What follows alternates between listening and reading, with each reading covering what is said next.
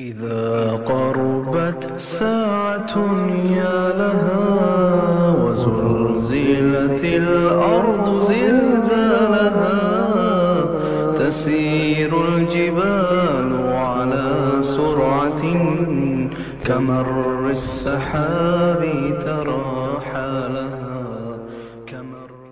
Elhamdulillahi Rabbil Alemin, wa salatu wa salamu ala ašrafi l-anbijai wal mursalin, nebina Muhammedin wa ala alihi wa sahbihi ajma'in.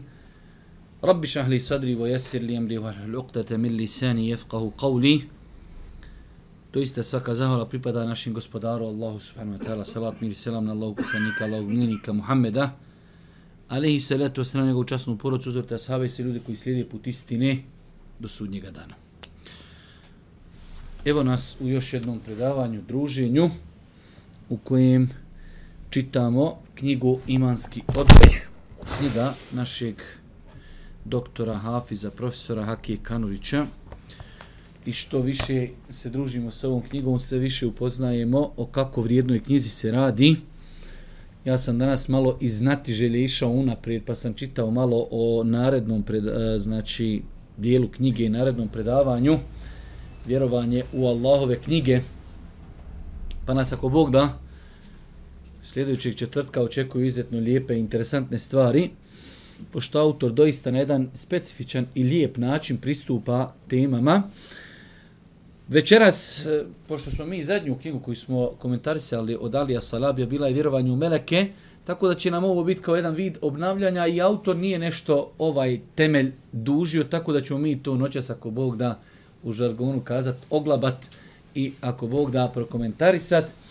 A već od sljedeće sedmice počinjemo govoriti o vjerovanju u knjige gdje se doista na lijep način dotakao određenih stvari vezanih za druge nebeske knjige i njihova autentičnost, odnosno dokaze koji potvrđuju e, njihovu iskrivljenost. Tako da ako Bog da imat ćemo izuzetno lijepi stvari od sljedećeg četvrtka. Kaže autor vjerovanja u Meleke. Znači govorili smo nekoliko sedmica o vjerovanju Allaha te barke ta'ala i o e, tragovima koje to vjerovanje ostavlja na čovjeka.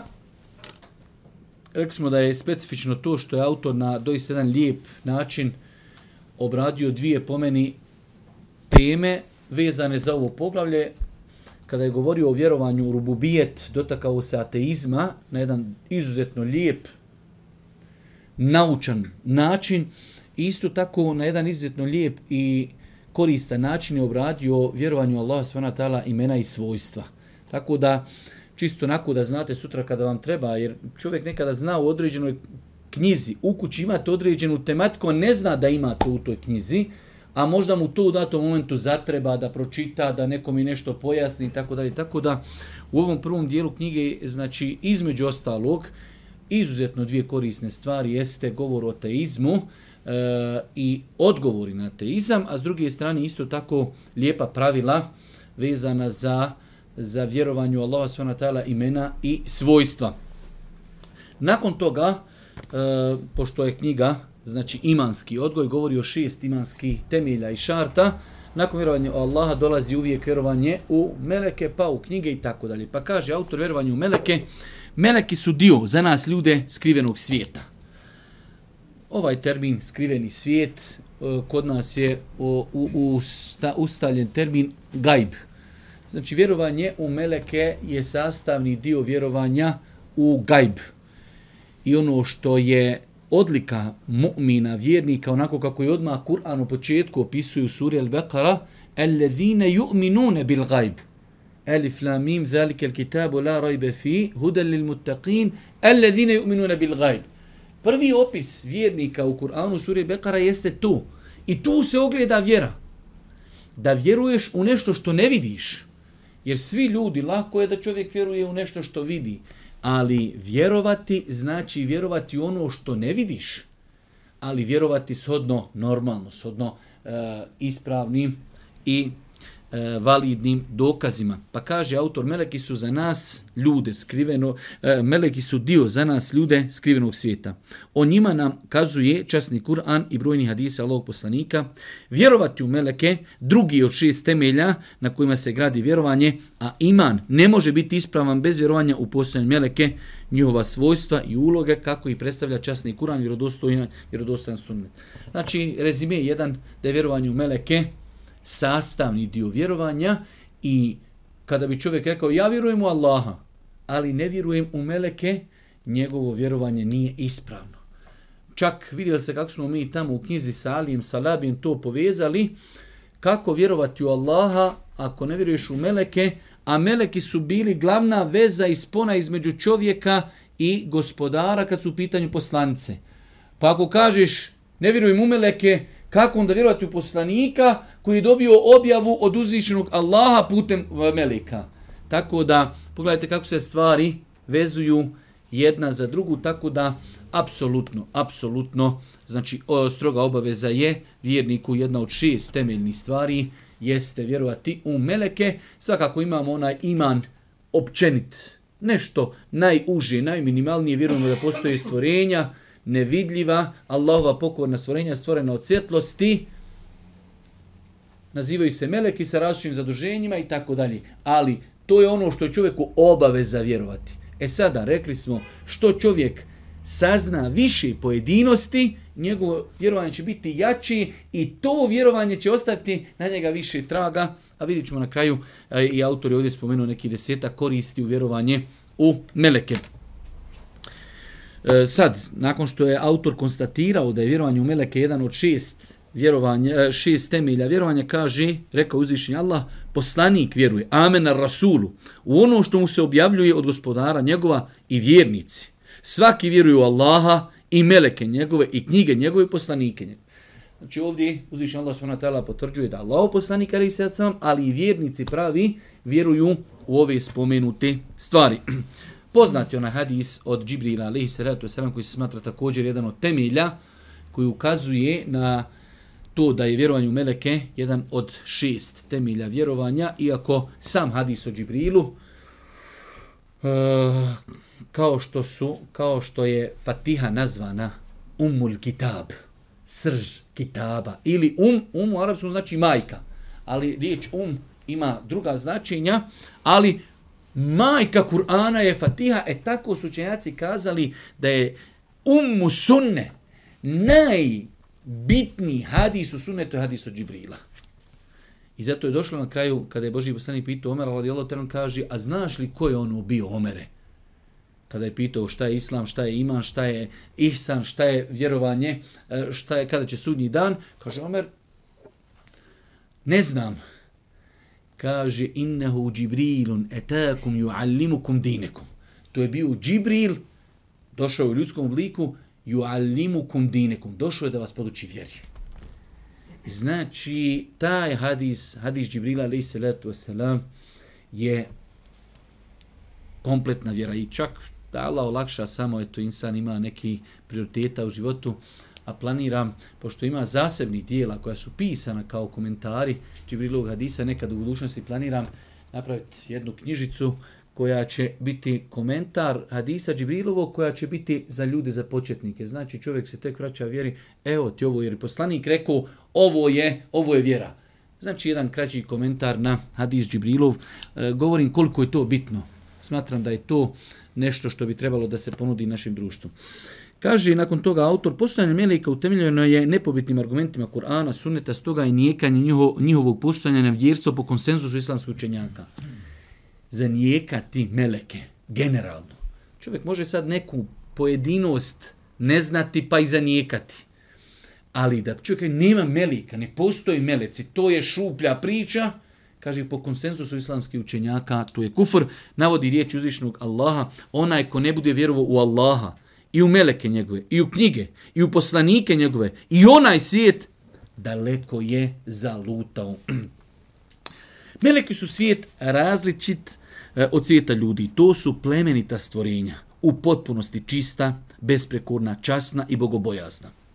Ovdje je autor dosta, doista na jednom kratkom, hajde da kažemo, eh, prostoru spomenuo mnogo toga bez detaljisanja i bez dokaza o melekima. Stvoreni su prije ljudi.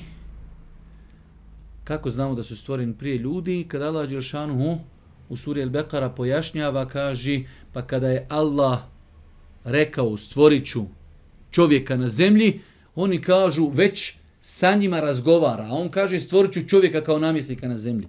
Pa je to dokaz dokaz da su meleki postojali prije ljudi. Kaj stvoreni su prije ljudi, a stvoreni su od nura, svjetla. Dati im je lijep izgled, živi su, krijeću se, uzdižu se, ispuštaju, govori, razumijevaju, svataju, stvarna su bića, ne jedu, ne piju, ne spavaju, ne umaraju se, ne dosađuju se, za njih se ne kaže da su muškog ili ženskog spola. Ovo je jedna interesantna teza, baš sam nedavno o tome istraživao i čitao na arapskom jeziku. Znači, e, meleki, iako, e, kad kažemo jezički, jezički u smislu riječ melek, je muškog roda, kao, kao samo, kao riječ, ali ovdje autor kaže, za njih se ne kaže da su muškog ili ženskog spola. Ne ženi se, nemaju strasti. Ne žene se i nemaju strasti, znači ne postoji reprodukcija za razliku od džina. Boravi na nebesima, Allahom odredbom spuštaju se na zemlju kako bi obavili svoja zaduženja. Meleki se ne mogu vidjeti ili osjetiti ljudskim čulima, ali imaju mogućnost da se dozvolom svevišnjeg Allaha pokažu ljudima. Pogledajte kako precizno. Ne mogu se vidjeti, ne mogu se osjetiti, ali isto tako kaže, ali imaju mogućnost da se dozvolom Allah pokažu ljudima. Ali kada se pokažu, tada i čovjek vidi, znači onako kako su se prikazali, odnosno u nečijem ljudskom obliku. U kuranskim ajetima i e, hadisima, hadijskim predanjima navodi se niz slučajeva u kojima su meleki bili viđeni u ljudskom liku, a Allah poslanik vidio je Džibrila u njegovom prirodnom liku. Meleki imaju krila čiji se broj razlikuje od meleka do meleka. Neki imaju dva, neki tri, neki četiri krila, a neki više od toga. Vjerodostojno se prenosi da je Allah poslanik vidio Džibrila i na njemu šestotina krila. Nešto, nešto veliko, fascinantno. Imate, znači, meleke sa dva krila, sa tri, sa četiri, a Džibril ima šestotina krila, kaže Allah poslanik, zatvorio je cijeli horizont svojom veličinom. Govoreći o veličini jedne vrste meleka, Allah poslanik kaže, dopušteno mi je da kazujem o jednom od meleka, uzvišnog Allah koji nosi njegovu prijestu. Razmak između resice njegovog uha i ramena je 700 godina. I ovo su ti hadisi koji, koji čovjek ne samo da u njih vjeruje, već ga oni trebaju potaknuti na razmišljanje o Allahu i veličini. Ako je uzvišeni Allah subhanahu wa ta'ala kadar i, i moguć da stvori ovolika stvorenja, Zamislite onda njegovu uzvišenost i njegovu veličinu. Od resice uha do ovdje. Pogledajte, tu je kod nas, evo, maksimum neki 10 do 15 santi, a kaže, kod Melika je to 700 godina nekog hoda i nekog pješačenja. Samo znači od resice uha do, do, do, do ramena. Zamislite onda koliki je taj, koliki je taj kompletan melek, ali u svemu tome koliki je naš gospodar uzvišeni Allah te barka i ta'ala, I pokušajte sad napraviti sam komparaciju čovjeka i tog meleka, čovjek koji sad u današnje vrijeme došao negdje od prilike, eto da je visina ljudi u prosjeku negdje 1,90 m, 1,80 m, 1,70 u poređenju sa tim velikim melekima i onda vidite kolika je naša slabost. A s druge strane pogledate kolika je insanska gordost, oholost, kibur, umišljenost insan se uzo pomisli, sjedni na stolcu, dobije neku palicu da nešto narebi, misli, ne uzubila, božanstvo da je. A sićušan, zub ga zaboli, potreban, bolestan i tako dalje. Tako da ovakvi hadisi prvenstveno u njih čovjek mora vjerovati, ali nas podučavaju, uči koliko smo slabašni, koliko smo sitni, a isto tako kako se insan može uzoholiti pa vidite čovjeka, hajde čovjek možda nešto, uh, neki, ostavi neki ibadet, Ali kada vidite ljude koji prkose gospoda, kada ljudi psuju Allaha, ljudi psuju, ljudi psuju svjetinje, mi imamo jedan veliki problem našeg tog podneblja, zaista naše podneblje, balkansko generalno, su te psovke. Znači u arapskom jeziku, u arapskom jeziku učenjaci su kazali da čovjeka izvodi iz vjere i mi to prevodimo psovka. I onda mi ono, ko mi bosanci, mi to shvatimo ono, opsovati. Ne, u arapskom jeziku je to uvrijediti. Omalo, omalovažiti gospodara na bilo koji način izvodi čovjeka iz vjeri. Ne samo ono kako od nas ono brutalno opsova, e kaj to te izvodi iz vjeri? Ne. To je preusko preveden termin. Zato što je naš jezik takav, pff, jednostavno, e, znači, e, nedostaje mu termina, pa se onda kaže opsovu Allaha. Ne, bolje je kazati uvrijedio. Uvrijediti Allah na bilo kakav način, omalovažiti, izvodi čovjeka iz vjeri. Pa insan treba da se pazi, treba da se pazi, pogotovo sad, u sadašnje vrijeme, e, omladina, srednjoškolci, fakultetlije, e, u datom momentu ljudi živi u nekom ambijentu kao dokazivanje na način ko će krupnije i gore opsovati. Vjerujte. Evo upitajte vjerovatno imamo ovdje i srednjoškolaca, imamo i fakultetlija, i, znači svi smo tu, živimo na čarši. Znači, e, u datom momentu to je za određene ljude, pa čak vjeru imemo, ne znam, da ne navodimo muslimanska imena, ali dijete od babi Hase i mami Fatime, dijete u školi, za, za sitnicu opsuje Boga. I to onoj psovki najgoroj verziji koja postoji.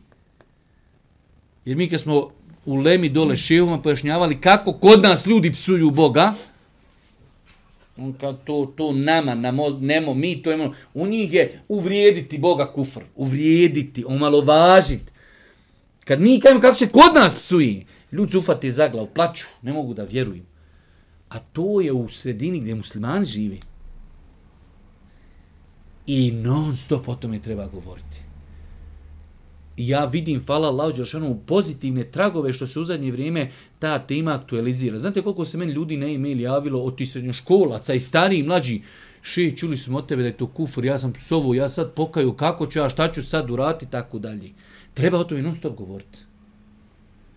Jer to je, da kažemo da u zadnji možda 10 godina bila tabu, to niko, niko ne spominje. Treba se o tome non stop govoriti. Svaka treća, četvrta hudba, predavanje, ders, treba ljudima govoriti da je to nešto najgorije što može urati na planeti. Kaže autor dalje, Meleki su nevjerovatno mnogobrojna stvorenja, koliko i precizno ima zna samo svevišnji Allah. Koliki je njihov broj slikovito nam govori riječ Allahu poslanika, zaškripala su nebesa. A kako i ne bi, kada na njima nema mjesto veličine četiri prsta, a da na njemu melek ne čini seđdu. Znači, toliki je broj meleka. Iako vidjet ćemo, ako imamo vremena pročitati e, govor Ibnul Kajima o ulozi meleka u čovjekom životu, e, i tu će autor jednom momentu spomenuti, sva ova neka dešavanja i promjene u kosmosu od otprilike za sve su to zaduženi meleki. I tek tada onda čovjek shvati i otkud potreba za tolikim melekima, odnosno da kažemo jednu ruku e, i ne čudi ga kada čuje da ima ovoliki broj meleka, ali opet, opet nam to ukazuje na veličinu gospodara Allah subhanahu wa ta'ala. Zamislite, pogledajte nebesa i zemlja i čovjek još još mi nemamo tehnologije da znamo dok li kosmos doseže, dok li su nebesa, kolika su nebesa. Kaže, nema četiri prsta, a da tu ne stoji melek i robuje uzvišenom Allahu. Zaškripala su nebesa, a kako i ne bi, kada na njima nema mjesta veličine četiri prsta, a da na njemu melek ne čini seđdu Allahu te barko ta'ala. Znači, tolika nebesa, četiri prsta, šta je tu? Nema toliko praznog prostora, a da na tom prostoru ne postoji melek koji čini Allahu tebareke taala seždu. Neki meleki spomenuti su po svome imenu, najpoznatiji i najodabraniji melek su Džibril, Mikail i Srafil. Pogledajte kako ovdje lijepo je povezao autor ova, ova tri meleka kao jednu jedan, jedan način zašto su baš oni spomenuti prvenstveno imenima. Ova tri meleka vezana su za život u raznim formama. Oni su vezani za život, ali u različitim formama. Džibril je zadužen za objavu koja je život srca i duši. Pa, to, ovo, ovo vjerujte, ovakvu rečenicu ne možete lako naći. Džibril je zadužen za objavu. A objava je, a objava koja je život srca i duši. Pogledajte to povezivanje, povezivanje ova tri meleka, oni su svi vezani za život. A ovaj obi opet, mi svi znamo da je zadužen za objavu. Da, ali objava to je, to je život naših srca i naše duši. Mikail je zadužen za kišu u kojoj je život zemlji, zemlje, bilja i životinja, a Israfil je zadužen za puhanje u rog u čijem zvuku, u čijem zvuku život svih stvorenja e, nakon njihove smrti, u čijem je zvuku život svih stvorenja nakon znači ljudi će biti nakon tog puhanja u rog bit će svi proživljeni, odnosno prvi put će biti e, znači usmrćeni, a nakon toga proživljeni. U Kur'anu se po imenu spominje i Malik čuvar džehennema, po, imenu, po imenu se u hadijskim predajama spominje i Munkir i Nekir, zadužen za ispitivanje u kaboru, te u slabim predanjima spominje se i Melek Ridvan, čuvar dženneta. Meleki se često spominju po zaduženjima koje obavljaju. Tako se, na primjer, spominje melek smrti. Melek smrti. Meleki se spominju po zaduženjima. Vi znate da je, i mislim da sam da je o tome čak i autor knjige Ali Salabi govorio, kod velikog broja ljudi je rasprostranjeno da se melek smrti zove Azrail, ne postoji za to vjerodostojni argumenti, znači e, Kur'an ga oslovljava, oslovljava melekul meut. Baš tako, melek smrti. Koji je zadužen za uzimanje ljudskih duša, melek zadužen za džennet. E, džehennem, meleki zaduženi za džennetske dvorce i bašće, meleki nosioci arša i tako dalje. Uloge, uloge meleka. I ovdje je to autor pokušao na jedan inšala, lijep način spomenuti. Svevišnji Allah stvorio je ovaj svijet i on ga održava. Allah je stvorio ovaj svijet i on ga održava. Ne može se ništa rekli smo to je teuhid rububije, ne može se ništa u kosmosu, u svemiru, na zemlji, nigdje desit osim Allahu te barke taala dozvolum. Uzvišeni Allah kaže Allah brani da se ravnoteža nebesa i zemlji poremeti, a da se poremeti niko ih drugi osim njega ne bi zadržao. I ovo nam opet ukazuje onaj odgovor ateistima. Allah je taj koji dao ravnotežu u kosmosu. I ono da se poremeti, ne može je niko drugi vratiti ili obuzdati osim uzvišeni Allah subhanahu wa ta'ala. Jedna od zakonistosti svevišnjeg Allaha jeste da na ovom svijetu sve ima svoje uzroke. Evo ovo je. Znači sve ima svoj uzrok, u tu svrhu zadužio je meleke za sve pokreta i aktivnosti u svemiru, za sve što živi i za sve što živi i što nije živo, za sve zakone i sile koje djeluju u svemiru i za ostvarenje i realizaciju njegovog određena onako kako je on odredio za svako stvorenje pojedinačno. Znači svaki pokrit, sve što ima nešto što se dešava, meleki imaju svoje zaduženje i vezani su za to. Meleki su zaduženi da brinu o zakonitostima na kojima je svemir uspostavljen i da nije volji svevišnjog Allaha za očuvanje tih zakona i pojava i da nije Allahovog određenja da ih meleki čuvaju, čovjekovom razumu ne bi mog, čovjekov razum ne bi mogao shvatiti razlog i nužnost njihovog opstanka i trajanja u ovoliko dugim periodima i tako savršenim preciznim sistemima. To je jedino pojašnjenje kako sve ovo tolike, pazite, čitate Kur'an, čitate historiju čovečanstva, ali uvijek je sve bilo u skladu. Voda, planine, mjesec, zvijezde, dan, noć i tako. Allah najbolje zna, ali hiljadama godina. Pogledajte, sve što mi napravimo, ima svoj neki rok. Pa vidim se, bez obzira nešto, evo šta je, sedam svjetskih čuda, sve nešto, ali sve to krnjavo, sve se to nešto naherilo, sve ima svoj e, rok trajanja. Pogledajte, mi smo rekli, vidjeli ste, hoćeš, upališ upaljač i držiš ovako dvije minute i strošio se. A to je to je energija koja, šta je, hajdemo je izmjerit, ne znam, nija, jedan megabajt. A šta misliš tu energiju sunca? koja toliko, toliko stotina, hiljada godina žari, usijana, stvara, osvjetljava. Pogledaj kod nas, sijalca. Najbolja sa garancijom dvije godine i opet crkni. I to šta je? Osvjetljava magazu. A sunce osvjetljava kosmos.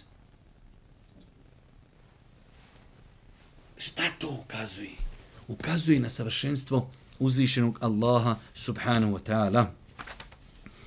I sam čovjek, e sada, autor nakon što je konstatirao za sva ta dešavanja i promjene u kosmosu, u svemiru, meleki su zaduženi, e onda povezuju to i kaže sam čovjek jedno je od mnogobrojnih Allahovih stvorenja u svemiru. Čak i više od toga, on je stvorenje kojim je uzvišen Allah podrijedio i počinio ostatak stvorenja u prirodi i svemiru. Stoga, obaveza čuvanja nebesa i zemlje i e, svega što je na njima kojom su zadužen meleki istovremeno predstavlja i čuvanje čovjeka i pomoći njemu da izvrši obaveze svog postojanja na zemlji. Sve smo ovome malo detaljnije govorili da znači e, sve ovo što postoji opet u jednu ruku počinjeno je čovjeku. Kada pogledate na zemlji, sva zemlja i sav ovo, sunce, mjesec, šta mislite da nema sunca, šta mislite da nema mjeseca, sve je to počinjeno nama da bi mi tu živjeli i da bi mi bili na tom dunjalučkom ispitu. Meleki imaju i druge obaveze i zadatke. Nećemo mnogo, samo ćemo, ajde kažemo kratko, meleki dostavljaju obav, objavu vjerovjesnicima. Či Džibril, alaihi salatu wasalam, bio je zadužen za dostavljanje objavlji poslanicima, ali kao, kao pojava, meleki su ti koji su zaduženi, kad kajemo meleki, Džibril je jedan od meleka, ali oni su ta spona između između čovjeka, između čovjeka i gospodara. Meleki čovjeku dok je u utrobi majke dostavljaju Božji dar, dušu. Dok je, e, dok je čovjek još na putu svog postanka, meleki su već uz njega, prati njegovo stvaranje, brinu se da se Allahova odredba izvrši u poznatom hadisu i tako dalje. Zaista se svako od vas formira utrobi majke 40 dana, zatim bude isto toliko vremena zakvačak, zatim postane komad mesa u istom tolikom periodu. Nakon toga Allah pošalje meleka da udahne u njega dušu. Znači, pazite, meleki su e, vezani za čovjeka od samog njegovog začeća, ali i u udahnuće duši dešava se podsredstvom melika. Meleki bodri čovjeka i učvršuju da ustraje na pravom putu. Inna alladhina qalu rabbuna Allahu thumma istaqamu fala khawfun alayhim wa lahum yahzanun onima koji govori gospodar naš je Allah pa poslije ostanu pri tome dolazi meleki govori ne bojte se i ne žaloste se i radujte se džennetu koji vam je obećan tako dalje pa jedno od svojstava i zaduženja meleka da bodri vjernike da ih, govorit ćemo o tome, da ih čuvaju, da ih potpomažu, ali i da ih bodri. Meleki dove za vjernike i traže oprost za njih. Meleki su zaduženi da čovjeka neprekidno štiti, čuvaju i nad njim bdiju, tako da čovjek može e, tako da čovjeka može zadesti samo ono što mu je sudbinom određeno. Imaju neke stvari, kao što su kazali učenjaci, meleki čuvaju čovjeka, ali kada dođe ono što je propisano, što je kader, onda oni prepuste čovjeka njegovom kaderu. Ali imaju mnoge stvari od kojih meleki zaštite i sačuvaju čovjeka. Meleki nadgledaju i pomno prate sve što ljudi radi i bilježi njihova dijela, bila ona dobra ili loša. Jedna od zadaća meleka, kada čovjek to jarabi, ne bi o melekima znao ništa drugo, osim ovu činjenicu, da su meleki zaduženi da zapisuju ljudska djela, koja će se i na osnovu koji će se polagati račun na sudnjem danu. To bi čovjeku bilo dovoljno, što bi rekao, dovoljno spoznaje bitnosti ove tematike, da svako, i autor će o tome spomenuti po mišljenju određenog broja Fesira, u svakog čovjeka su četiri meleka. Dva, znači oko ta dva nema razilaženja, jedan na desnoj strani, jedan na lijevoj koji zapisuju čovjekova djela i po mišljenju e, određenog broja mu fesira na, na, određen, na osnovu određenih kuranskih ajeta koji se tako mogu razumjeti ispred iza čovjeka imaju dva meleka koji ga čuvaju od svega što je loše. Pa znači čovjek je bukvalno neprestano okružen sa četiri meleka. Dva meleka koja zapisuju dijela i dva meleka ispred iza njega koji ga čuvaju. Zamisli samo kada bi čovjek bio svakodnevno svjestan ove činjenici. Da neprestano uz njega borave četiri meleka, ali evo, dva meleka sigurno, koja zapisuju njegova dobra i loša dijela i ta dobra, loša i, e, loša i dobra dijela, na osnovu njih će čovjek polagati račune, zato je došlo u vjerodostojnom hadisu, kaže će se čovjeku donijeti na sudnjem danu registri njegovih dijela, njihova dužina će biti dužina pogleda, a bit će i 99. E, sad zamislite neki papir na kojem je neko zapisivao tvoje postupke i on kad se odmota, toliko koliko tvoje oči mogu pogledati. Sad u našem dunjačkom nekom žargonu, to je sigurno neki 15-20 km, ako se popneš na neku višlju planinu, možeš tamo vidjeti da deseta km, dužini možda malo i viši. E takvi 99 registara poredano i meleki ispisali sve što je čovjek radio.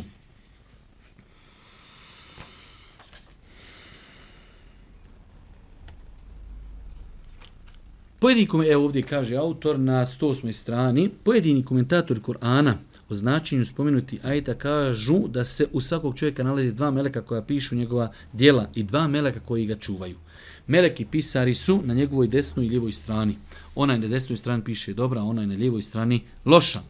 Druga dva meleka, jedan ispred, a drugi iza njega, čuvaju čovjeka i štite ga tako da svaki čovjek, tako da se svaki čovjek nalazi između četiri između četiri meleka. Od zaduženja meleka jeste e, da su zaduženi za uzimanje duše kada čovjeku duđe smrtni čas. Meleki ispituju čovjeka u kaburu. Pogledajte, čovjek neprestano veza čovjek meleki. U stomaku brinu o njegovom razvoju.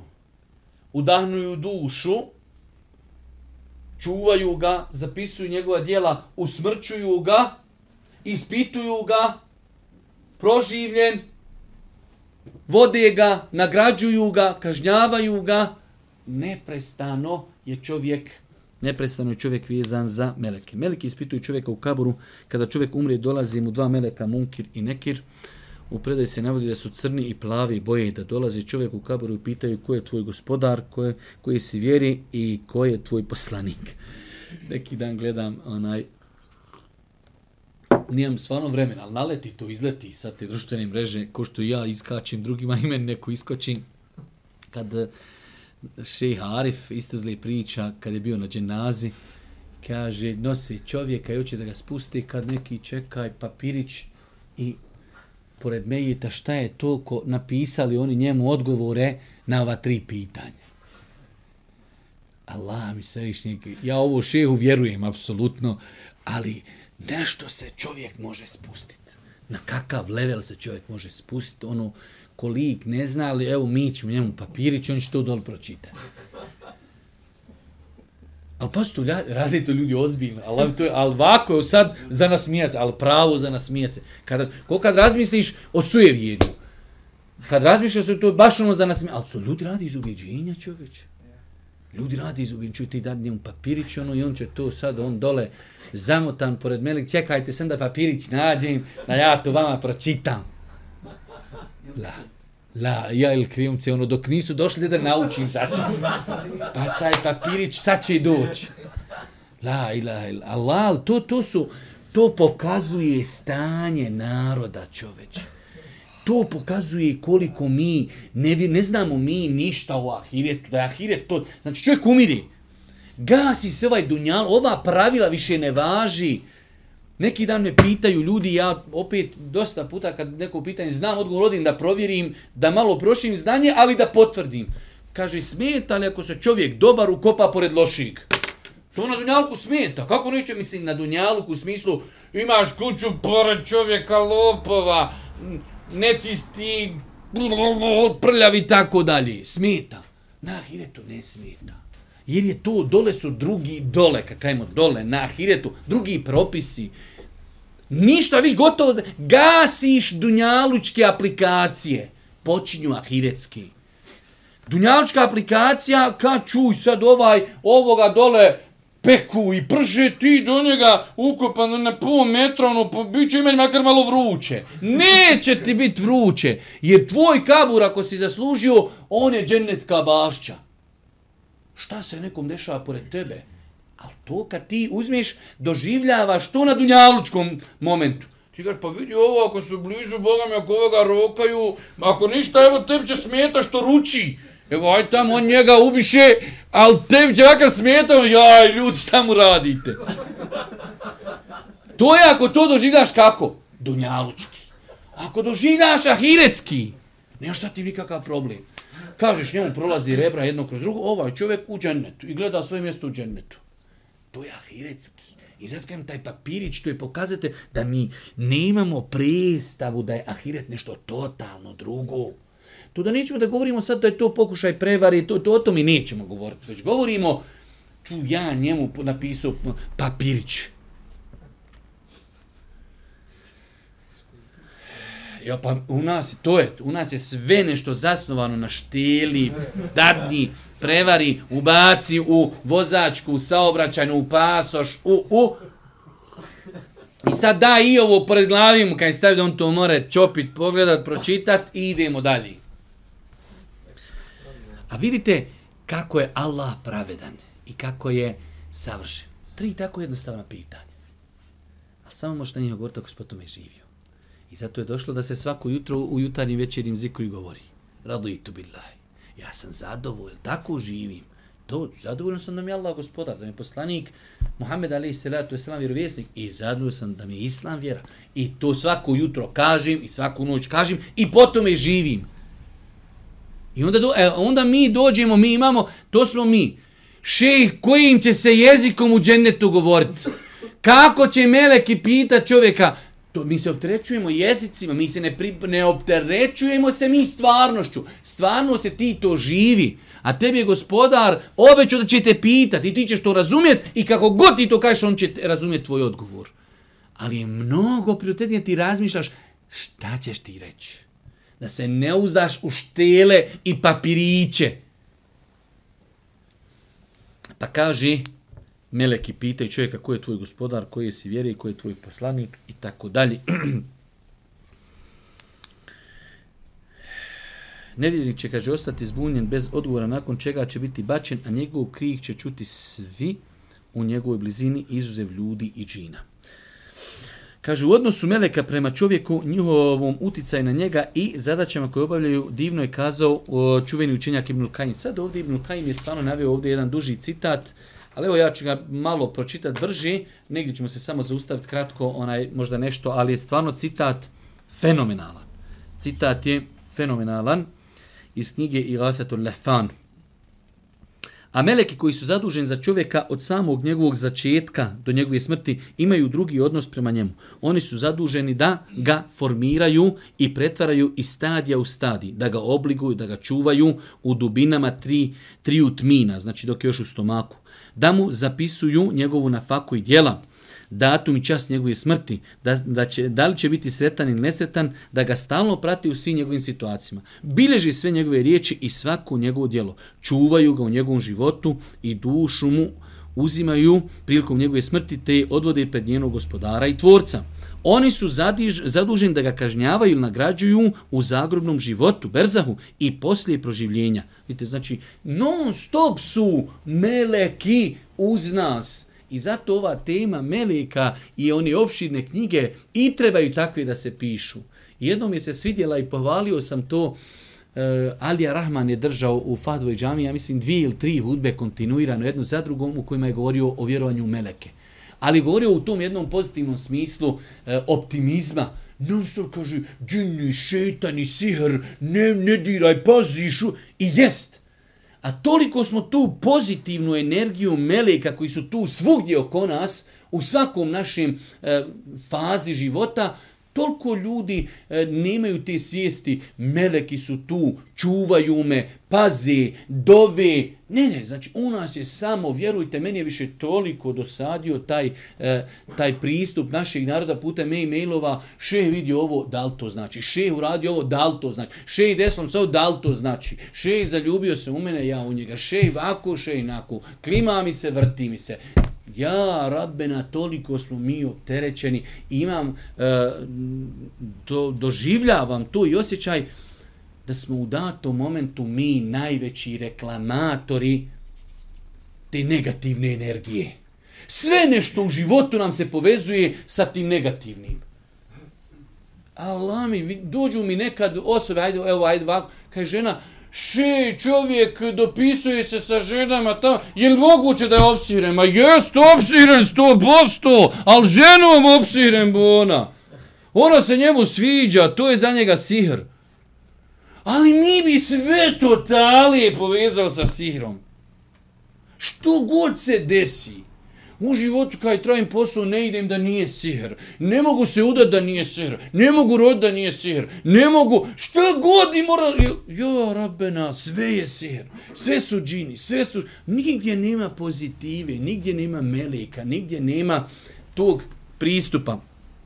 Pa kaže, oni učvršćuju čovjeka, vjernika, Allahom dozvolom i poučavaju ga onome što će mu koristiti Bore se, braneći ga i oni su mu zaštitnici, pomagači na ovom i na budućem svijetu. Pogledajte da čovjek svati ovu samo rečenicu.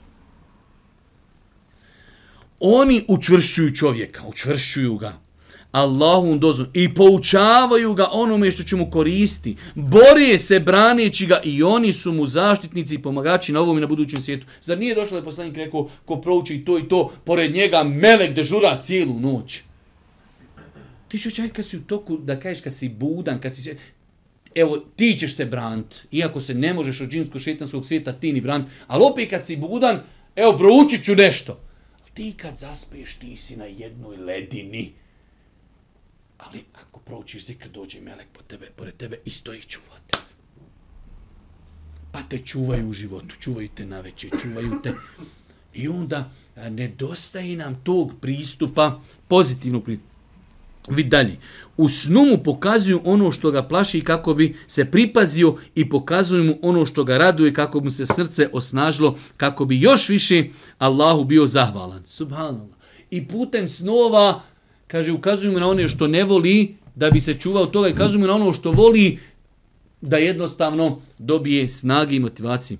Obećavaju mu dobro, i dobru ga pozivaju, odvraćaju ga od zla i na njega upozoravaju. Oni su mu, dakle, istinski zaštici, pomagači, čuvari i učitelji, savjetodavci. Oni čine dovu i traži oprez za njega. Što mislite da čovjek bude svjestan činjenci i vjeruje u to? Meleki dovi za mu'mina. Meleki, nepogrešiva, nepogrešiva Allahova sve. Imaš nekad se desi Allah mi neko ti pošali iz Mekke, ono, kažeš šeh ili brate, evo dovin za tebe. Pa ko da vjerujem, taj dan, ne znam, kojim donio kofer para, koliko ti je drago da te insan spomeni u svoju dovi. A svi smo mi manje ili više, ono insan očekuje, eto, alham, svi smo griješni, ali eto, kod kjabi, ako ništa primće se dove. Meleki dove za tebe. Svakako, ako budeš radio dijela koja prizivaju njihovu dovu, njihovi stigfar i tako dalje. Svakako, s druge strane, i paziti se svega onoga, E, što može biti razlogom da takva čedna i, i, i bogobojazna bića čovjeka proklinju. A može se desiti. I to nekad pod navnim znacima, pod navnim znacima, zbog sitnica. Ali insan neće da, da, da, da, da vjeruje e, da vjeruju takve stvari. Oni na njega donosi salavat sve dok je u pokornosti svome gospodaru i sve dok druge poučava dobro. Oni mu donosi radnostne vijesti o počasti koja ga čeka kod njegovog gospodara prilikom sna u trenutku smrti i na dan proživljenja. Postiću ga da bude skroman na ovom svijetu i da daje prednost ahiretu. Opominju ga kad zaboravi, motiviraju ga kad se e, raznijeni i učvršuju ga kad se preplaši. Pa ovo sve cijelo vrijeme govori Ibnul Kajima. Ibnul Kajim je, znate šta je Ibnul Kajim? Ibnul Kajim je enciklopedija. Ovo sve što spominje e, da, da, da zatražiš odim kažeš, ali de, gdje dokaz, kako, na osnovu čega, sve dokazano. Oni radi za njegovo dobro na ovom i budućem svijetu. Oni su, dakle, Allahovi zaslanici, zaduženi za njegovo stvaranje i njegove naredbe za njegova stvorenja i njegove naredbe. Oni su njegovi ambasadori ljudima, spuštaju se po njegovom Allahovom naređenju na sve dijelove svijeta i njemu se uzdižu isto tako po njegovom naređenju. Nebesa su pod njima zaškripala, a s pravom i škripe na njima nema mjesta koliko četiri prsta, a da tu nije mele koji stoji ili je na ruku ili je na seždi. Ovo je bio uh, jedan izuzetno izuzetno sveobuhvatan citat imama Ibnul Qajima u kojem je pobrojao pobrojao odnos meleka prema čovjeku od njegovog samog stvaranja, od njegovog formiranja, od njegovog dahnuća duše u njega, kroz rađanje, kroz život i sve do smrti i nakon smrti kroz kažnjavanje i kroz nagrađivanje i mnoge druge stvari. Tako da, jedan izuzetno koristan, koristan citat. I na kraju, kaže autor plodovi vjerovanja u meleke. O, isto tako, duboko sam uvjeren da je našim narodu veoma bitno govoriti o ovim plodovima.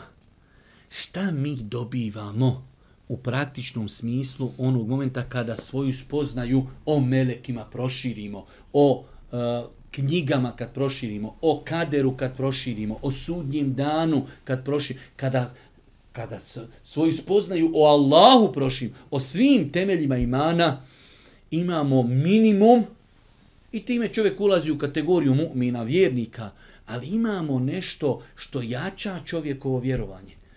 Pa je dobro i potrebno da čovjek ima ti par knjiga koje su vjerodostojne, koje su ispravne, koje će iščitavati, čitati, usvajati, živjeti potom i, i sigurno će to ostaviti traga na čovjeka. Nije isti insan koji onako, kao imaju ti neki meleci, živi za razgovor čovjeka koji zna detalje, koji zna pojedinosti, o odnosu melika prema čovjeku.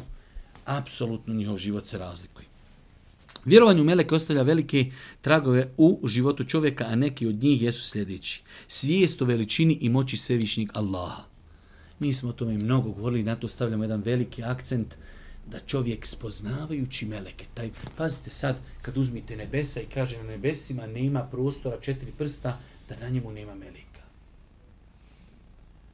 mi to povezujemo sa veličinom gospodara, ako je gospodar stvorio toliko meleka.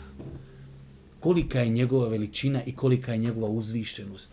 Kolika je naša slabost, koliko smo mi slabi, koliko smo potrebi njegovog rahmeta, njegove milosti, koliko trebamo ostavljati grijehe, čuvati se onoga što vodi njegovoj kazni.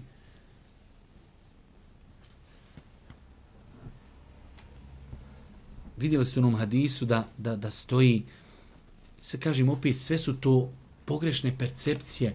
Čovjek koji čitav život u živu, čitav život u živu.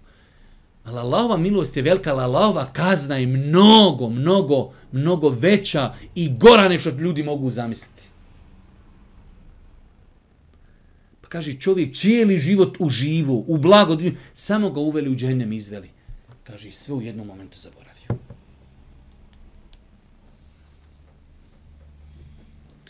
Pa kaže svijest o veličini i moći svevišnjeg Allaha, upoznavajući osobine melika, njihovu veličinu, brojnost i čudne moći koji su im date, u nama jača svijest o Allahu veličini moći. Ako su meleki ovako veličanstveni, a oni su samo Allahova stvorenja, koliko li je veličanstven njihov stvoritelj. Pogledajte, kad se govori tamo u Koranu, pa da kada Allah Đelšanu opisuje onaj razgovor Sulejmena, alihi salatu wasalam, i, i, i, i, i džina. Pa kaže onaj, ja ću ti donijeti njen prijesto. On je negdje u Palestini, ona je negdje u Jemenu. To sad sve višnji Allah zna koliko je tu razdaljini, ali su tu u pitanju sigurno eh, e, hiljede kilometara ili stotine kilometara.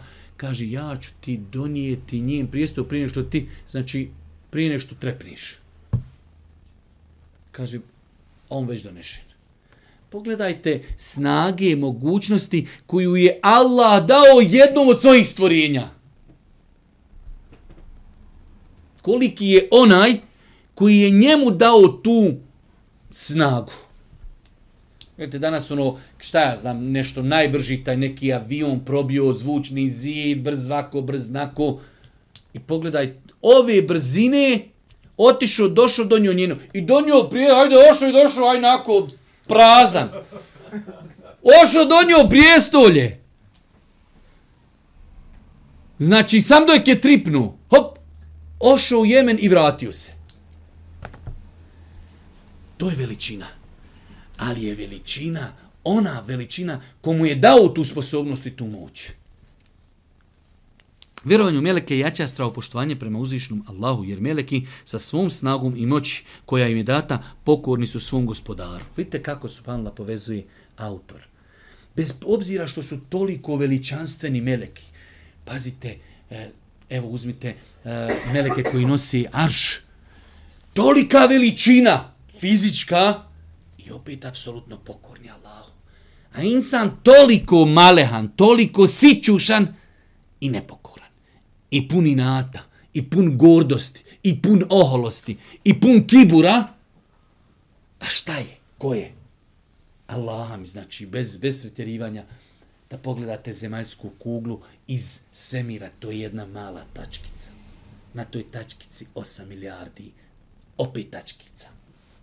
I onda se insan uz oholi. Onda kad shvati da su ti meleki toliko veličanstveni, veliki i apsolutno pokorni svome gospodaru, to kaže vjerovanju meleke jača strahopoštovanje prema uzvišenom Allahom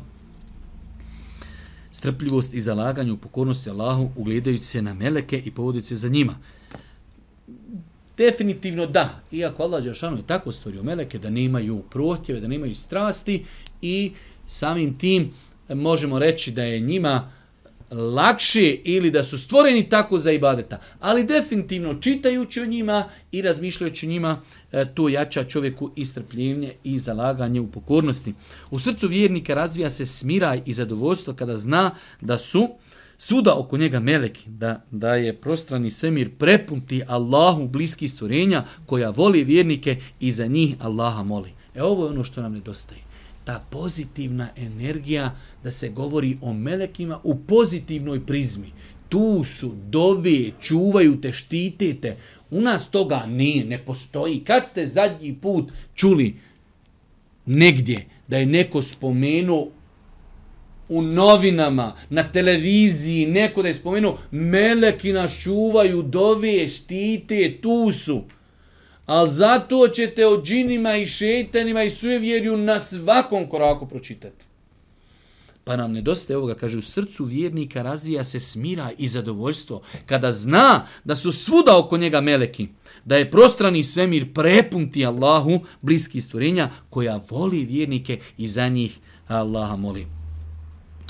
Kada vjernik bude odbačen od ljudi, ismijan, omalovažavan i spriječen u svojoj pokornosti svevišnjim Allahu i, i u strajnost njegovom putu, u melekima nalazi smiraj, jer zna da je Allahova vojska s njim, da nije sam na tom putu, nego putuje u velikoj povorci zajedno sa velikom većinom Allahovih stvorenja.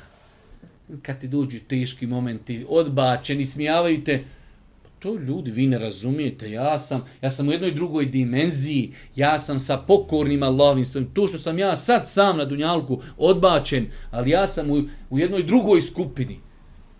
Ja sam u skupini pokorni Allahovi subhanahu wa ta'ala stvorenja. Zavala na Allahu na, to, na toj posebnoj pažnji prema ljudima, jer je odredio da se meleki brinu o čovjeku od trenutka kada je bio kaplica u utrobi svoje majke pa sve do smrti i nakon toga na budućem svijetu. Subhanallah. Kako, kako, kako divno razmišljanje. Da vjerovanje u meleke budi i kod čovjeka, znači polučuje razmišljanje da je zahvalan Allahu. S tim tobe Arabi uzvišenje Allah je apsolutno potpuni savršen. Ali pogledajte nas, šta god da čovjek napravi, svaka serija auta ima svoju mahanu. Svaka serija auta ima mahanu. Da li je ona namjerno, da li nije, ne znam. Ja ću reći da, je, da nije namjerno. Sve što ljudi napravi ima svoju mahanu.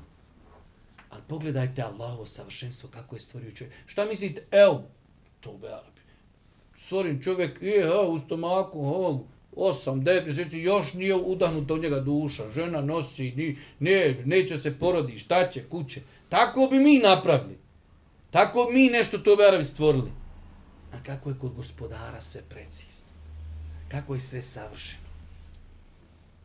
Pa kaže, zahvala Allahu na toj posebnoj pažnji prema ljudima, jer je odredio da se meleki brinu o čovjeku od trenutka kada je bio kaplica u utrobi svoje majke, pa sve do smrti.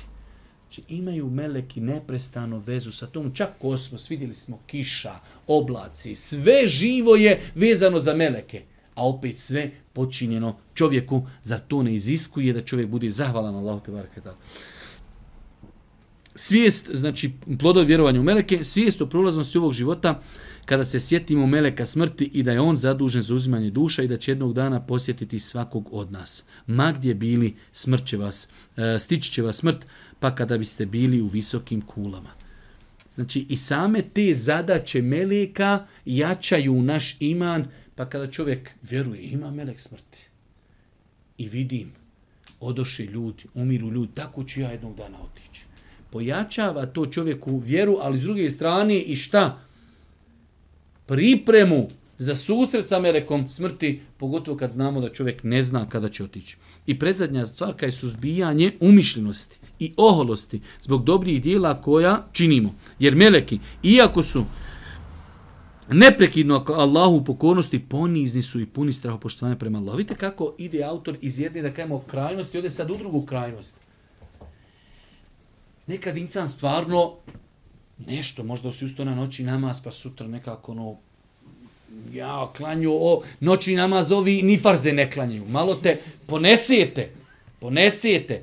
Pa ti izlaziš iz džamije ono dadneš desetku, dadneš cvaju, vidiš prije tebe prošao firmaš ne dade ni marki. Ti malo, malo se napušiš. Ono ponesete ko malo ko E, kaže, kako autor kaže, suzbija umišljenost to je bolan, to je nešto sitno naspram naših griha, s druge, evo, u redu. Uradio si mnogo toga. Ali ima neko koji je uradio mnogo, mnogo više od tebe, koji je apsolutno pokoran i opet u svemu tome ponizan Allahu Đeržan. Pa kaže, suzbija umišljenost i oholost zbog dijela koja činimo, jer meleki, iako su nepre, neprekidno Allahu pokornost, ponizni su i puni su strahopoštovanja prema Allahu i mole ga za oprost. A na sudnjem danu oni će govoriti, slavljen neka si gospodar naš, nismo ti robovali onako kako ti zaslužuješ. La haule wa la kuvata illa billah. Melek je apsolutno pokorni. I opet na sudnjem danu gospodaru, nismo ti robovali kako ti zaslužuješ. Zar to insana ne spušta na zemlju? Zar to insana ne odgaja? Zar to insana ne čini da ustraje, da bude bolji, da bude jači? Meleki apsolutno nepogrešivi. I apsolutno neprestanu u pokornosti. La ja'suna Allahe ma emerahum. Nikako nisu nepo, znači nikad. I opet nismo ti robovali onako kako ti zaslužuješ. Za to čovjeka ne odgaja, za to čovjeka ne spušta njegov ego, njegov umišljenu ja nešto uradio, ja nešto bolji od drugih i tako dalje. I zadnja stvar kaže povođenje za melekima u disciplini, ažurnosti i visokoj odgovornosti u primjeni onoga što im se povjeri. Poslanik Ali selam, kada bi predvodio namaz u džematu, krenuo bi se ashabima i kazao za se nećete poredati u redove kao što se redaju meleki kod svoga gospodara. Jedna interesantna i lijepa, jedno zapažanje, znači da se čovjek pokuša ugledati u, u, u, u svom životu eh, u tim oz, ozbiljnim momentima da bude precizan, da bude odgovoran, da, da ono što mu se povjeri, da to pokuša urati maksimalno, maksimalno dobro. Nevezano, ali eto, vidjeli ste na svjetskom prvenstvu, Japanci moraju doći pa da nauče muslimane kako se ne trebaju bacati otpaci po stadionu. Dobro, evo, bila je masa tu, 60.000 ljudi, ali što nam moraju Japanci doći? Što nam ne dođe omladina naša iz Bosnije, iz Jemena, iz Palestine, iz Sirije, iz Turske i da stavi natpise La ilaha illallah, mi berimo danas smeće. Što će nam doći Japanci? Ali nek su došli, nek nas nauči. Zato što oni tako žive tu kulturu, zato što su precizni. Pa i, i, i, i čovjek vjernik od tih melika trebao bi da nauči njihovu znači, preciznost, e, potpunu pokornost uzvišenom Allahu subhanahu wa ta'ala. Molim Allah Žešanu da nam podari korisno znanje, molim ga subhanahu wa ta'ala da nam bude milosti na sudnjem danu. Na kraju subhanahu wa ta'ala, da bihamtike, šerim la ilan stafiruke, ve tubu i lik.